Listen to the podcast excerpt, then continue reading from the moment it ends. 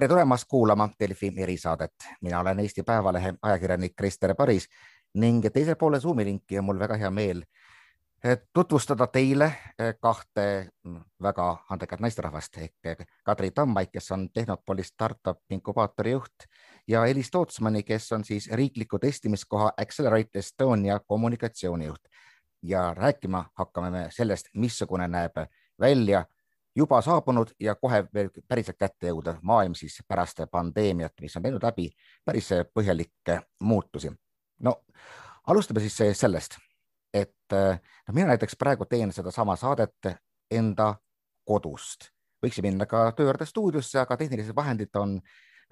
tänaseks taolised, et saab seda kõike teha, teha seal, umbes sealt, kus parasjagu viibid, peaasi, et on olemas internetiühendus. kui, kui loomulik selline töö tegemise viis hakkab nüüd olema lähematel, ma ei tea, aastakümnetel tere äh, ka minu poolt. Äh, väga loomulik hakkab olema, on lühike vastus, ehk siis tegelikult äh, väga paljudele inimestele oli loomulik ka varem, eestlastele kindlasti sealhulgas. teatavasti Eesti siiski kuulub enamasti nende priviligeeritud riikide hulka, kus sa saad kenasti internetiga tööd teha ka väljaspool pealinna piirkonda, aga sellist paindlikkust töösuhetes on kordades juurde tulnud ja see on äh, muutus, mis on tulnud, et jääda kindlasti. et kindlasti, kindlasti, kindlasti kuulevad nii mõnedki ülemused seda teatava, teatava murega, et tahaks ikkagi inimest näha enda juures rohkem kontoris, peab lihtsalt siis ilmselt installeerima sellised püsiva ühendusega ekraanid seinte peale. Vaata, sellega on niimoodi, et kui tuhande üheksasaja viiekümnendatel aastatel toimus tööstusrevolutsioon, siis äh, kiire kommunikatsiooni ja kommunikeerimise vajadus tõi inimesed üht, ühte nagu kontoriruumi kokku tänasel päeval tegelikult selleks vajadust enam ei ole, sellepärast et meil on kõik äh, kommunikatsioonivahendid olemas, need on digitaalsed ja, ja selline suhtlusvajadus, mis varasemalt justkui oli, et mis neid kontorisse kinnistas, et neid enam ei ole. Teine asi selle juures on muidugi ka see, et äh, äh, on muutunud töö mitte ainult virtuaalseks ja mitte ainult kaugsuhteks, vaid sellel on täiesti uus nimetus. see on hübriidtöövorm hübriid tähendab osalist kontoris töötamist ja osalist siis digitaalset töötamist. küll aga uuringud näitavad, et hübriidtöövorm ei saa olema laialt levinud, äh, vähemalt hetkel, prognoosid näita seda järgmise kümne-viieteist aasta jooksul ja hübriidtöövorm jääb iseloomustama siiski kõrgematel ametikohtadel ja harituma segmendi töövormi, mis tähendab seda, et, et kuskile see kontoris viibimine nagu ei kao. ja, ja mis on veel tähtis selle juures teada, on see, et, et kontoris viibimine on justkui nagu niisuguse vaimsele tervisele oluline, ehk siis kontoris käid ka selleks, et sotsialiseeruda ja sellest nutiseadmest ära tulla. ja, ja mis tähendab juhtidele täiesti teistsugust ootust. Vaata, kui varasemalt oli niimoodi, et sa võisidki istuda kaheksast viieni kontoris, kuna ülemus sinult seda ootas, täpselt nii nagu sa, Kristel, just ütlesid, et ülemus tahab sind kontoris näha. aga tänasel päeval see on muutnud juhi oskusi ehk siis juht ei anna enam tööülesandeid mitte ajalisel määrangu alusel, vaid oluline on hoopis efektiivsus ja tulemuslikkus. Ehk siis mindud on pigem ülesannete ja siis äh, tegevuste põhiseks ehk siis kellegi edukust ei mõõdeta selles, et mitu tundi Kadri või Elis suudavad kontoris istuda, vaid mis on meie tööde tegelik äh, võit meie enda otsesele ülemusele. ja, ja Krister, see, mis sa välja tõid, et äh, ülemused tahavad inimest äh, kontoris näha ja kas peab ekraanid seintele paigaldama, siis äh, see tegelikult peegeldab ka seda, et see muutus, mis on tekkinud äh,, tähendab muutust ka juhtimiskultuuris ehk siis äh,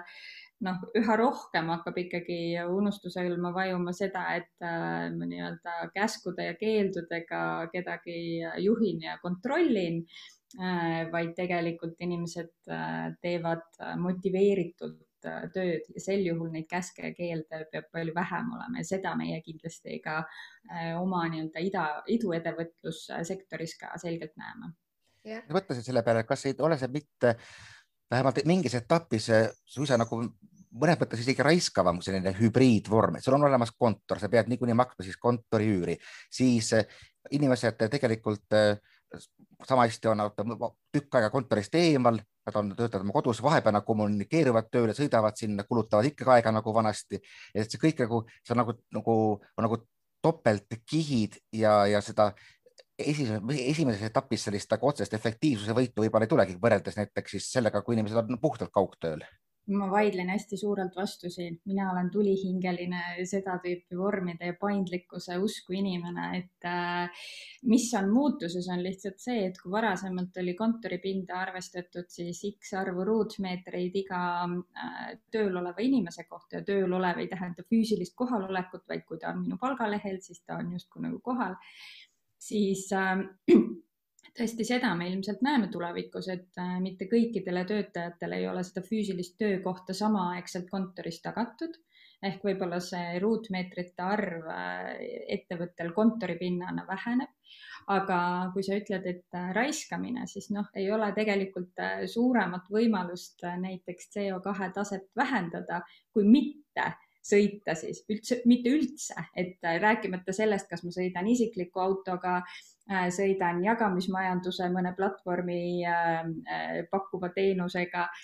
kasutan ühistransporti, et aga kui ma ei sõida üldse, siis on see veel kõige säästlikum. nii et kui on võimalik kodus töötada ja noh, andes siinjuures aru, et mitte kõikidel inimestel ei ole see lihtsalt võimalik nende töö iseloomust tulenevalt,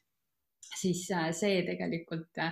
on vägagi säästlik lahendus. Näiteks kasvõi meil on äh, olukord, kus üks meeskonnaliige on UK-s, teine on äh, Portugalis, mina ei ole hiljaaegu Hispaanias, meil on seltskonnas äh, Kanada, vabandust, mitte Kanada, vaid Austraaliast pärit inimene. Ja, ja kõik see uus tulevik ongi see, kus, kus me ei vaja või ütleme niimoodi, me saame oma kompetentsi tõsta, värvates eksperte, tipptasemel eksperte, ükskõik mis globaalselt areenilt, et me ei pea enam olema siin siin äh, Eesti-siseselt, et teha suuri asju, me võime võtta ükskõik kust need kompetentsid kokku, veel enam tegelikult äh, see tõstab meie enda nagu võimekust äh, avada iseennast nagu siis maailmale. me oleme teinud ju selle viimase aasta jooksul mitmeid maailmaalgatusi ja, ja saanud pilti mitmete arendustega, mis,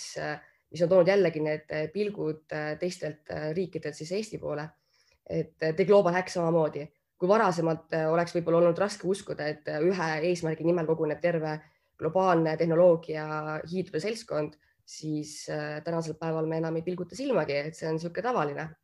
aga kui me niimoodi räägime, siis kui palju üldse sellisel kohtumisel või sellisel koostööl on enam küljes silti Eesti, kui ta tegelikult ongi niimoodi virtuaalselt üle kogu maailma, lihtsalt, lihtsalt see, et Elis, sina oled Eestis, kas see paneb külge talle Eesti sildi? No tegelikult ikkagi paneb, seepärast et äh, nii nagu, nii nagu selline väike edevusnoot sisse tuleb, et korraldaja tahab ikkagi anda teada, kust riigist ta pärit on ja, ja kuskil, kuskil äh,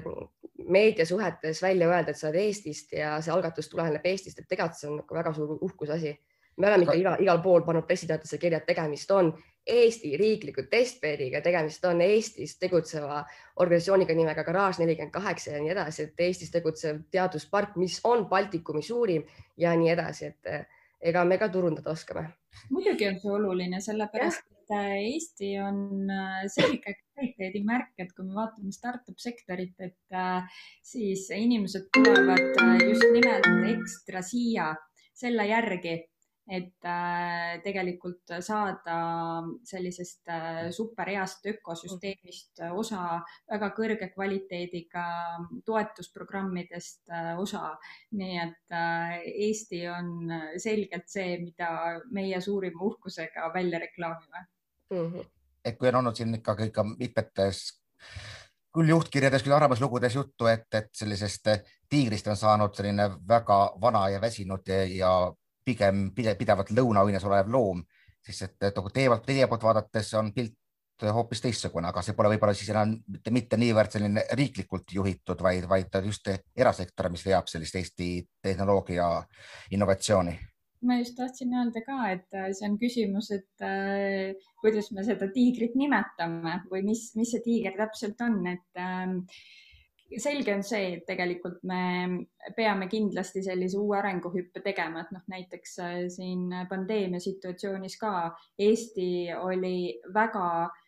mitmes nüansis või valdkonnas oluliselt paremas positsioonis tänu oma digitaalsetele teenustele, sellisele täisdigitaalsele ühiskonnale. et äh, paljud asjad ähm, me saime ära lahendada juba varem, enne pandeemiat digitaalselt ka ja, ja see võib-olla siis seetõttu meid äh, mõnes aspektis nii oluliselt ei mõjutanud. aga loomulikult, kui me vaatame startup sektorit äh, täna SKP-st kolm protsenti mm, lähikümnenditel ambitsioon, et äh, kolmkümmend protsenti. nii et äh, seda võimekust selgelt sellel sektoril on, seda ambitsiooni ja tahtmist selgelt on nii et äh, jah, seda usku ka on ja veel enam, tegelikult on eestlane lihtsalt harjunud äh, ülikiirete arengutega ja kõik on digitaalne, kättesaadav ja nii edasi. tulge käige korraks Euroopas ringi. viimane kord ma olin siin äh, paar nädalat tagasi Hispaanias, pean avaliku sektoriga tööasju ajama. väljas on kolmkümmend seitse kraadi lagi pähe. avalik sektor on lahti kaks tundi, järjekord on nii pikk, et pool järjekorrast seisab õues kolmekümne seitsme kraadises kuumuses ja sa ei saa olla kunagi kindel, et kas sa pääsed oma äh, ametniku juurde jutule või mitte, eks, et järjekord on nii pikk, aga sa pead seal seisma seepärast, et teenust ei pakuta digitaalselt. veel enam, mõnikord sa pead mitmed äh, erinevad asukohad läbi käima, et mingit ühte väikest Eestis lihtsalt digitaalselt tehtavat protseduuri äh, teha, pead seal käima mitu-mitu-mitu erinevat hoonet, ametnikku läbi saama, paberi peale allkirja ja kõike muud. siin sa lähed, tahad pangaga teenust teha, teed Skype kõne oma esindajaga, sa tahad äh, avaliku sektoriga mingit äh, arutelu pidada, sa saadad meili vastavale ametnikule. meil on kõik digitaalne, veel enam, meil on kõik e-teenused, äh, riigi poolt pakutavad teenused on siis tegelikult e-põhja peal, et millest me räägime, et me lihtsalt, me lihtsalt oleme harjunud niivõrd suurte mugavustega, et nüüd ootame, et see asi kiireneks, oleks veel mugavam, oleks veel lihtsam ja kõike muud. kuivõrd te praegu ütleme, et see seadused toetavad seda, kui me enne just rääkisime siin töösuhete, töö ja töövormide muutusest, et, et ikkagi no kui vaadata ette mingisuguse töölepingu seaduse, siis seal kirjas ikkagi tööajad ja, ja see, et kes, kes vastutab sinu inventari, kes, kes vastutab tööõnnetuste eest, et kui, kuivõrd on, oleme me selle koha pealt nagu riigina järgi jõudnud sellisele ülikiirele arengule, mis tundub, et kohe mm, eespaistmas on ja mille, mille sees me võib-olla juba olemegi praegu ma läheksin siin korraks meie enda presidendi Kersti Kaljulaidi sõnadesse, et äh, tema räägib ka kogu aeg sellest, et äh, Eesti riigi suurim väljakutse seisneb selles, et meil peab olema äh, siis õiguslik ruum kiirete arengute juhtimiseks. et vaata ka Accelerate Estonia on tegelikult lihtne matemaatika-tehe. me toome kokku visionääridest ettevõtjad, toome kokku avaliku sektori kompetentsi ja me avame uusi turge, me loome uusi turge ja mitte ainult Eestis, vaid ka globaalsel areenil ja mida saab Eesti seda teha, mida saab siis Eesti selle jaoks teha, ongi see, et tal on äh, seaduslik ruum, mis võimaldab kiireid arenguid ja ka neid ideid juhtida, millest me praegult isegi mitte võib-olla ei oska unistada, aga varsti näeme selle vajadust suurelt. et me oleme ju siin äh, rajanud äh, mitu teed teemadesse, kus tänasel päeval puudub täielik teenuse olemasolu. toon ühe näite, mööd, mööd, ütleme sihuke muutunud töökultuur, eks ole on tekitanud täiesti uue töövormi, selleks on diginomaadid. Need on need inimesed, kes reisivad ringi, nendel puudub justkui üks lokaalne asukoht. miks nad, just peaksid ringi reisima? ütleme niimoodi jah, et selles mõttes, et sa võid äh, peatuda kaks kuud Hispaanias, kaks kuud Portugalis, et sul ei ole tegelikult vajadust äh, teha oma tööd Eestis nii, ja mis on sellega seonduvalt, on see, et tervisekindlustus on tihti seotud riikidega, ehk siis kui ma lähen Hispaaniasse, ma ostan sealt endale paketi. tänasel päeval puudub diginomaadidel tervisekindlustuse süsteem. meie Accelerate Estonias äh, tegime koostöös Sotsiaalministeeriumi ja toona, toonase siis allasutustega äh, testisime läbi siis diginomaadide tervisekindlustuse paketi võimaluse ja selgitasime välja selle eksperimendiga siis mis võiks olla teenuse hind, mis võiks olla teenuse olemus, mis teenuseid tuleks pakkuda ja nii edasi, et äh, kujutage ette, kui Eesti avaks uue töövormile täiesti uue turu, me oleks esimesed, see tähendab meie riigikassa jaoks märkimisväärset äh, äh, kasu, see tähendaks meie enda inimeste jaoks, meie enda riigi brändi jaoks väga-väga suurt kasu. ja seda kuulates, noh, küllap neid küsimusi, mis vajavad lahendamist, on tegelikult ju päris palju, kui praegu siin on olnud juttu pensionireformist ja kuidas siis ikkagi, kuidas ja kelle juures need inimesed endale pensioni koguksid ja nii edasi, aga nad on ilmselt siis noh, väljakutse, mida tegelikult, kui kätte võtta saab, saab, saab ju kenasti lahendada. et aga kuidas see nagu tekitab sellist, ütleme, ma ei tea, võib-olla konkurentsi juurde, mis võib-olla tekitab isegi teatavates inimestes hirmu. mul just äh, kirjutas hea kolleeg Anton Aleksejev kunagi, kuidas, mis on juhtunud Venemaal, et kui varem näiteks Moskvas olid inimesed koos, oli päris palju sellist nii-öelda kontoriplanktonit, nagu Venemaal nimetatakse. inimesed käisid kontoris ja tegid oma mingeid ülesandeid, siis pandeemia ajal pidid töötama kodust ja kohe saadi aru, et aga miks ma maksan sellele moskvalasele tuhat, tuhat viissada, kaks tuhat dollarit, kui ma võin maksta kellelegi Vladivostokis kolmsada ja teeb ära sedasama töö pareminigi. ehk siis see tegelikult, tegelikult toob sellise globaalse konkurentsi, ma saan aru, ka meile koju päris teravalt kätte. muidugi toob, aga peabki tooma ja ei too mitte ainult äh, globaalset konkurentsi, vaid loob ka globaalseid võimalusi. ehk siis see on kahesuunaline tee, et äh, me näiteks Tehnopool Startup inkubaatori poolelt näeme ka, et äh, ähm, meile tuli ka varem selliseid äh, välis äh, startup asutajaid ehk siis, kes loovad oma ettevõtteid äh, siia Eestisse, aga tegelikult ei ole siis äh, algselt teps mitte Eestist pärit. aga see huvi on tegelikult kasvanud ehk siis äh, see piiride kadumine, et see piiride kadumist me ei näe mitte ainult linnade vahel, et me ei näe seda, et Tallinna inimesed kolivad äh, Võrumaa kaunite metsade vahele tööd tegema, sest seal on hästi mugav, vaid äh, me näeme seda, et inimesed tulevad Jaapanist, Hongkongist tegema siia startup'i. me näeme, et Eesti inimesed teevad tooteid, teenuseid Saksamaa või California turule. nii et see tegelikult toimib mõlemat pidi ja mis on siis Eesti kõige suurem pidur näiteks iduettevõtlussektoris, ongi sellise kvalifitseeritud tööjõu puudus. ehk siis me ei räägi mitte sellest, et äh, meil äh, kuskilt, äh, ma ei tea, Võrumaalt oleks odavam kedagi palgata, vaid me räägime sellest, et meil ei olegi kedagi palgata nii et tegelikult, kui me oleme geograafiliselt väiksed, rahvaarvult väiksed, siis see võimalus nii-öelda piire selles mõttes avada, et äh, ollagi paindlik sellistes töösuhetes, et startup'id on selles olnud tegelikult teenäitajad ja väga head teenäitajad juba päris pikka aega. nüüd me lihtsalt ilmselt hakkame üha rohkem nägema ka seda võib-olla traditsioonilisema mudeli alusel toimetavates ettevõtetes, et sellist rahvusvahelistumist, ähm, sõltumatust konkreetsest geograafilisest asukohast hakkab rohkem olema. räägime natukene ka füüsilisest maailmast, noh väga tore on kuulata piiride kadumisest. see, millele me praegu otsa vaatame, on piiride taastekke, me ei saa ju tegelikult sõita ei Lätti ega Soome. nüüd vist varsti võib-olla saab juba, juba, juba Rootsi ega Venemaale, et Eesti on selles mõttes nagu täiesti väikene saar. kui me vaatame nüüd postpandeemia järgset äh, maailma, et kuivõrd see kõik transformeerub ka sellesse, et, et noh, me oma füüsilised vajadused saame paremini rahuldatud, kõik need kaubad ja muud asjad hakkavad samuti liikuma senisest efektiivsemalt ja, ja, ja tõhusamalt. Või, või, või pigem just võib tekkida see, see moment, kus see on, mida on ka rõhutatud paar korral, et selline nii-öelda just in case tootmine on tegelikult jäänud kuidagi sellele ajale, ajale jalgu ja ta ja tekib päris palju kitsaskohti, noh nagu me, ma ei tea, praegu kasvõi näeme, mis puudutab siis pooljuhtide puudust maailmas. Mm see on äh, väga hea küsimus, kusjuures jällegi peab ütlema, et Eesti on seda teemat hakanud äh, kõvasti edasi arendama, et kuidas, kuidas rahvusvahelist kaubandust elavdada ja seda just nimelt efektiivsuse näitel. et me oleme siin Accelerate Estonias ja tegelikult ka Tehnopolis välja arendanud äh, ja väljaarendamisel lahendus nimega ECMR, mis on siis põhimõtteliselt digitaalne logistikasüsteem ja kõige lihtsam arvutuskäik näitab, et ainuüksi kümme protsenti logistikasektori efektiivsus tähendab circa ühe miljardi euro suurust äh, Euroopa majanduskasvu.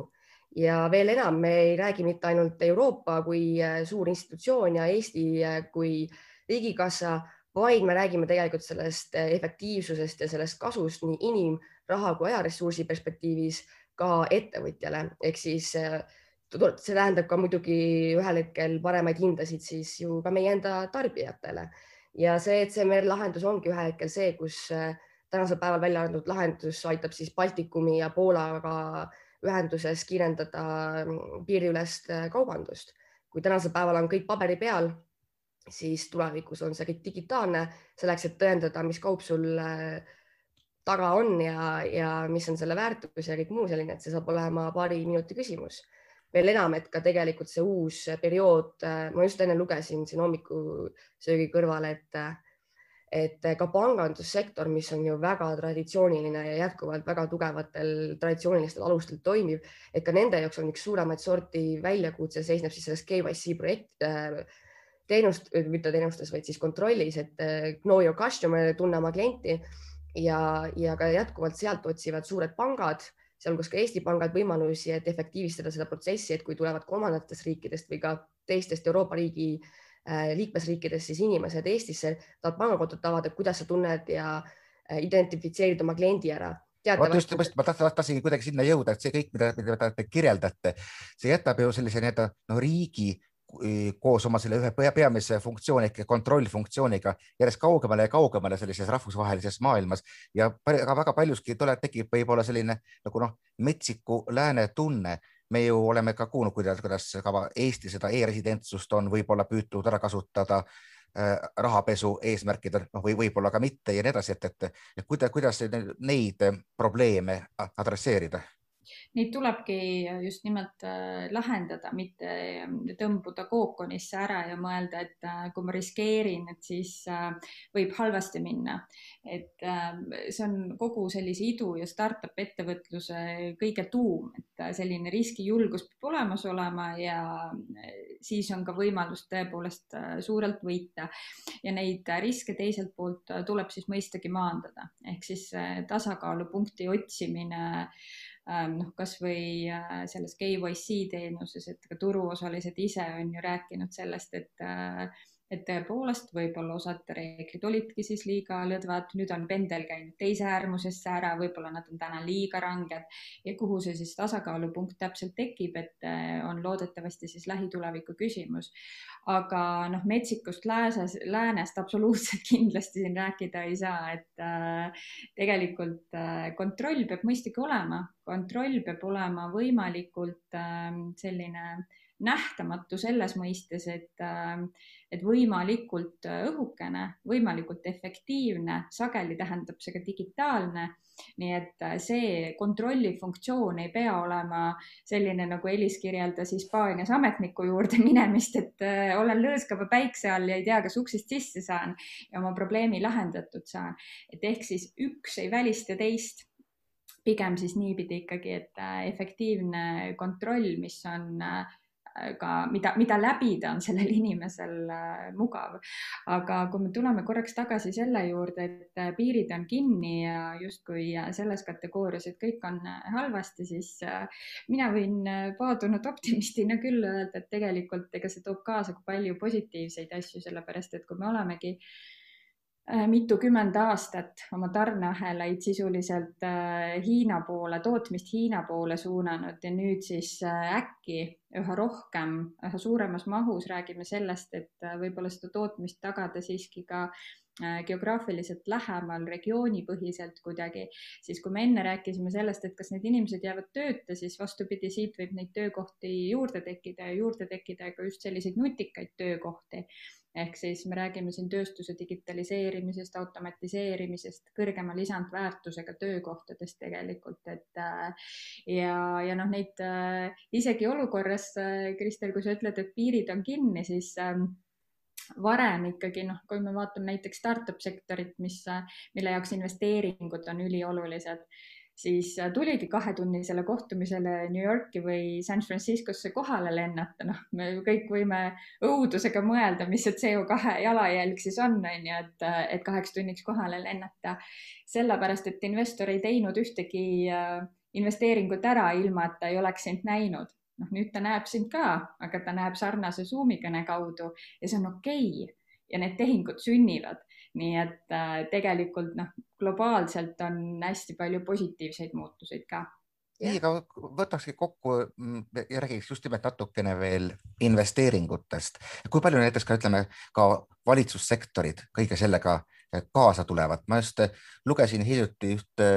artiklit ajakirjast Economist, kus toodi näitena Ameerika DARPA, see on siis Ameerika õhujõudude programm, mis muuhulgas näiteks on vastutav interneti ja tegelikult ka mRNA tehnoloogiate eest. Ja, ja toodi just esile, et missugune on tegelikult nagu mõtlemise vahe, et seal antakse teadlastele võimalus eksida. mõte ongi, et pigem katsetage ükskõik kui hulla, hullumeelseid asju ja kui läbi kukub, ei juhtu mitte midagi. aga teised valitsused ei suuda seda kuidagi kopeerida, sellepärast et mingi hetk tuleb siis audiitor ja ütleb, et kuulge, see on raha mitte sihipärane kasutamine ja siis tulevad juba poliitikud ja kokkuvõttes asi kuidagi niimoodi kängub, et kuivõrd te näete, et maailmas ollakse valmis ka riskeerima ja päriselt kulutama raha ka asjade peale, mille puhul võib näha, et noh, äkki, äkki ei tulegi välja, aga kui tuleb, tuleb midagi suurt tead, üks äh, hea näide oli siin äh, alles kolmapäeval toimunud Accelerate Estonia äh, miniseminaril virtuaalselt, kus osales siis president Barack Obama riikliku teadustöö nõunikuna töötanud Safi Paškal ja ta ütles väga hästi niimoodi. tuhande üheksasaja kahekümnendatel aastatel ei uskunud mitte keegi, et oleks võimalik ühte purki panna gaasi, mis põlema läheb ja suudab meid kuule lennutada. Aga õige pea tänu sakslastele, kes sellesse siiralt uskusid, lennutati ju esimene ameeriklane sinna kuu peale. ja nüüd, kui rääkida sellest, et see koroona tegelikult on näidanud just nimelt välja, et kui sa oled kinni oma traditsioonilistes süsteemides, oma traditsioonilistes mõtlemistes ja ei ole valmis kohanema uue olukorraga, sa oled juba eos kaotaja ja see ei tähenda mitte ainult, et ettevõtted peaksid võtma risk, riske ja eksperimenteerima, vaid seda teevad ka valitsused ja teevad väga meelsasti kusjuures tähtis on selle juures mõista seda, et eksperimenteerimine ei ole mitte kunagi läbi kukkunud ja läbikukkumine ei tule mitte kunagi sellepärast, et alati saab eksperimendiga mingi uue teadmuse, oskuse või, või siis mingisuguse praktilise teadmise, eks ole. ja, ja ka sedasi on siis Eesti ju ellu kutsunud koostöös siis Teaduspark Tehnopoliga selle Accelerate Estonia programmi, mille eesmärk ongi tegelikult koostöös ühendada jõud riigisektori kompetentsi ja äh, erasektori visionääridega, et testida ja valideerida neid ideid, millest me päriselt praegult ei oska unistadagi. me just siin praegult värbame ideid, me oleme saanud maailmast äh, tõsiselt kvaliteetset, äh, ütleme siis ideid, mis tahavad tulla Eestisse ja just nimelt Eestisse testima oma ideid ja seal on alates kodanikupalgast kuni äh, kuni äh, erinevate süsteemideni, mis aitavad vaimset tervist äh, ja sellega seonduvaid probleeme äh, ära hoida või siis vähendada. et tegelikult noh, maailm on valmis eksperimenteerima, kõik see vana traditsiooniline vajadus olla justkui mugavustsoonis ja viljeleda sedasama praktikat, mida on tehtud juba viimased kolmkümmend aastat, et see on kõik vanakool, nüüd, nüüd tulge nagu ehitage üles ja efektiivistage neid süsteeme ma tahaks veel Elisa jutule lisada seda, et mis on hästi oluline aru saada, riskijulgus ei võrdu hulljulgus. Seal on äh, oluline vahe, ehk siis sa võid olla riskialdis äh,, võtta võib-olla suuremat riski, aga kui seda toetab metoodika, läbiproovitud süsteemid äh,, inim, inimeste teadmus, kuidas asju teha, siis tegelikult need kõik maandavad ka riske. Ja kui sa küsisid ka, et veel investeeringutest või et miks või, või kas riik peaks, on ju, et noh, et kui me vaatame täna idusektorit, siis möödunud aastal idusektor äh, üksinda tõi äh, riigikassasse circa sada miljonit maksutulu. Nii et kui me nüüd korrutame seda, siis me jõuame selle potentsiaalini, et mis see tegelikult võiks olla. ja noh, mis on tulevikusuund kindlasti on tegelikult äh, investeeringud ja muuhulgas ka riigipoolsed äh, investeeringud teadmismahukatesse ettevõtetesse. et see on valdkond, mida me oma võib-olla muidu väga võimsas startup ökosüsteemis tegelikkuses oleme alles üles ehitamas ja kus on meeletult suur potentsiaal peidus. ja kui me vaatame, et, et kuidas siis teised riigid teevad, ei ole vaja kaugele vaadata, et meie kallid põhjanaabridki äh, väga altilt äh, riigi poolt ka investeerivad just seda tüüpi äh, meeskondadesse, et võttes siis maha omakorda natukene erakapitali riski ja aidates kaasa siis selliste tehnoloogiate võidukäigule, mis siis päriselt selliseid globaalseid suuri probleeme lahendavad. teate, mis on veel märgiline? see on alusetult vähe tähelepanu saanud, aga Euroopa andis ju eelmine aasta välja ühe senini suurima äh, majanduspaketi äh, ja seda suurima siis äh, rahastussummaga üks koma kaheksa triljonit eurot. märgiline on ta sellepärast, et seal on kolm fookusteemat ja juhuslikult oli Accelerate Estonia nende fookusteemade püstitamisel natukene ees, aga see selleks. Äh, väike promo. Aga kolm fookusteemat on esiteks innovatsioon ja teadus, teine on äh, tervishoid ja kolmas on äh, rohepööre ja tähtis on see, et innovatsiooni ja teaduse all peetakse silmas just nimelt seda, et traditsioonilised ettevõtted, suurkorporatsioonid ja ka avaliku sektori institutsioonid saaksid koostöös, ma ei tea, kas startup idega või muude eksperimente, eksperimente läbi viivate programmidega testida, arendada välja lahendusi, et tõsta oma efektiivsust, et tõsta oma võimekust ja sedasi ka siis produktiivsust, et olla ajaressursi, inimressursi ja finantsressursi säästlikum. vot see on märgiline, ma arvan, et see ütleb ka ära kohe, Kristel, sinu küsimuse vastuse, kas on maailm valmis ja rohkem riskialtim? oh jah, on küll, täiega. oh jah, teid on nii põnev kuulata, et võiks, võiks seda kuulama jäädagi, kuid teisest küljest jällegi oh, see kõik viitab, et lähevad mööda mõned aastad võib-olla ja me kõik juba näeme seda omaenda silmadega ja tunnet, tunnetame omaenda sõrmedega klaviatuuri peal ja, ja hingame seda uud, uue maailma õhku sisse. igal juhul äh, suur aitäh siis Tehnopooli startup'i inkubaatori juht Kadri Tammai ja Elis Tootsmann, kes on kommunikatsioonijuht riiklikus testimiskohas Accelerate Estonia. mina olen Eesti Päevalehe ajakirjanik Krister Paris ja jälle kuulmiseni siis uutes erisaadetes